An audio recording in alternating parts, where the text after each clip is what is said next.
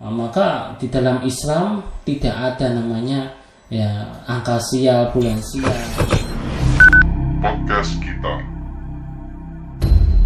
Pada kesempatan kali ini kita sudah bergabung bersama guru kita tercinta Ustadz Rahmat Pujianto. Assalamualaikum Ustadz. Waalaikumsalam warahmatullahi wabarakatuh. Sehat Ustadz. Alhamdulillah bi khair. Insya Allah. Ustadz, eh, kali ini saya ingin membahas terkait pemahaman yang masih ada di masyarakat umum di sekitar kita Ustadz. Nah, mm, Terkait masalah angka sial, tanggal sial, Hmm. sama bulan sial.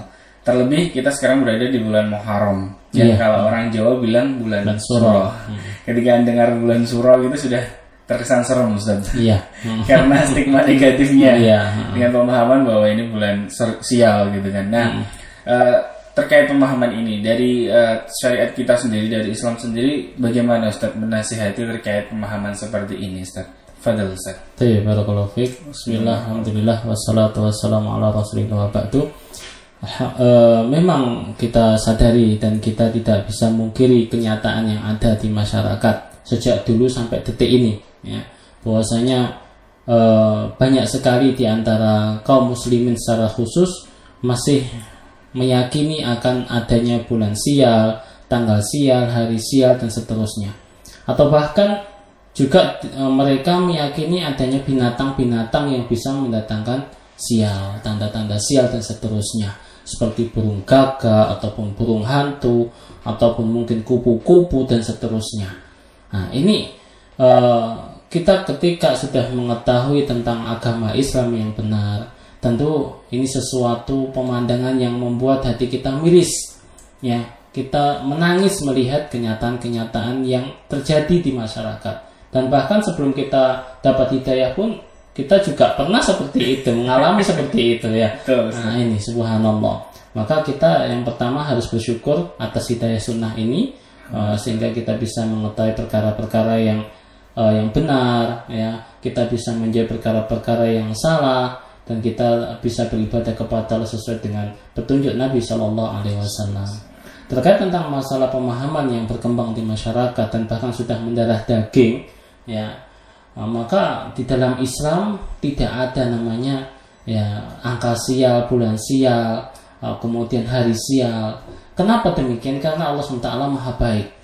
Allah Maha sayang, Allah Maha kasih, Allah Maha rahman dan rahim. Tentunya Allah SWT ketika menciptakan makhluknya itu pun juga uh, ciptaan Allah sesuatu yang baik pula. Pasti semua yang Allah Subhanahu wa taala ciptakan di atas muka bumi ini ada sesuatu yang bermanfaat buat hidup manusia.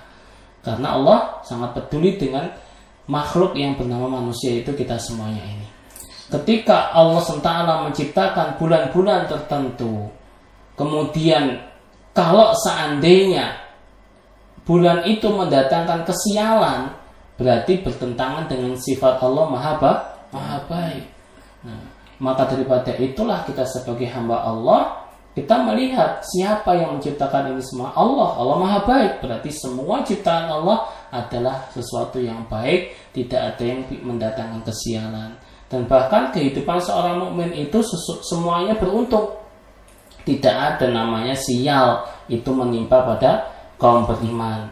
Ketika mendapatkan musibah, orang beriman beruntung. Ketika mendapatkan kelapangan hidupnya, orang beriman beruntung. Bahkan ketika melakukan dosa pun juga beruntung.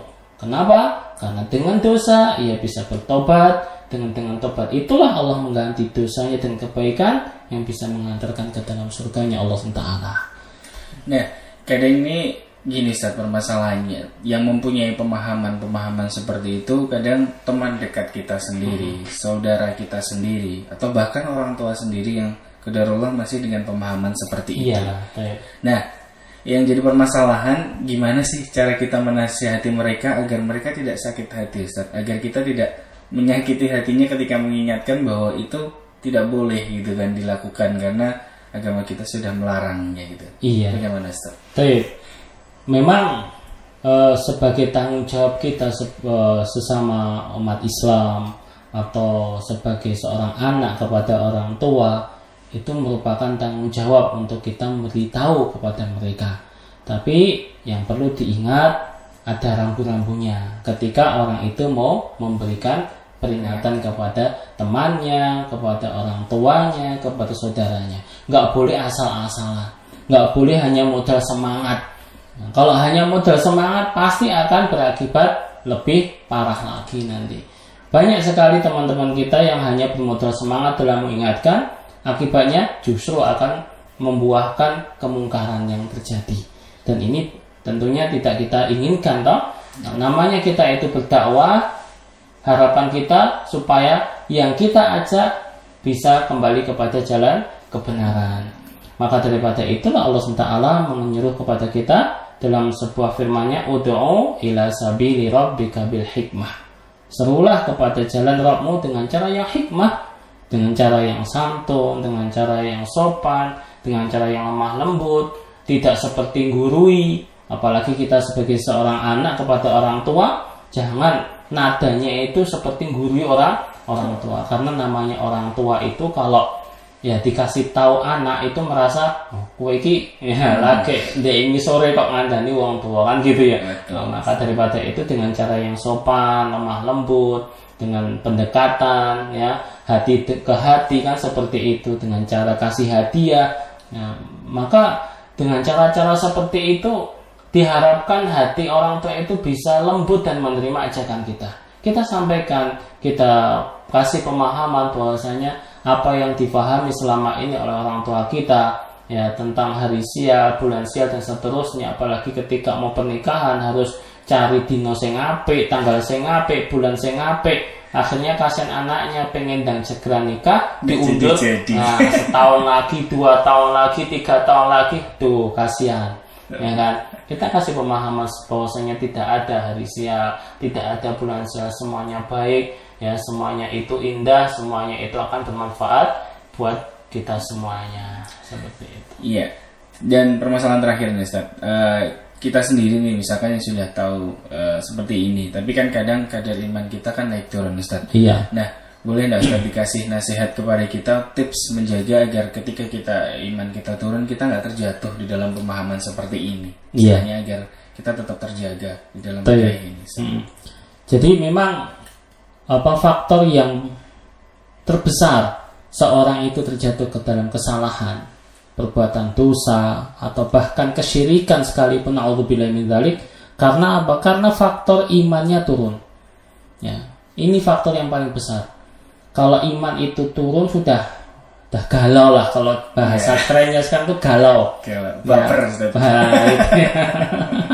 ya kalau sedang lagi galau itu sudah jangan sampai dia itu apa eh, pada posisi seperti itu segera ia sadar kalau dirinya itu galau. Ia harus bangkit ya. Bangkitnya dengan cara apa? Dengan cara istighfar. Tentunya iman turun itu karena kemaksiatan karena mungkin kita jauh dari Allah karena kita terlalu apa mementingkan dunia akhirat ditinggalkan sehingga apa uh, imannya menjadi turun. Maka yang pertama harus tobat kepada Allah istighfar yang banyak minta ampun kepada Allah kemudian supaya kita terlindungi dari keyakinan seperti itu kita tawakal serahkan kepada Allah Taala semua apa yang akan terjadi esok hari karena kita diciptakan oleh Allah Taala ya sudah ditakdirkan oleh Allah dan takdir Allah kita tidak tahu. Hanya Allah yang tahu apa yang akan terjadi esok hari. Maka dengan tawakal kepada Allah, maka Allah SWT akan memberikan yang terbaik buat kita. Sebagaimana Allah firmankan, "Wa may yatawakkal alallahi fahu hasbuh. Siapa yang bertawakal kepada Allah, maka Allah berikan kecu kecukupan. Masya Allah, jazakallah khairan Ustaz hari ini. Podcast kita.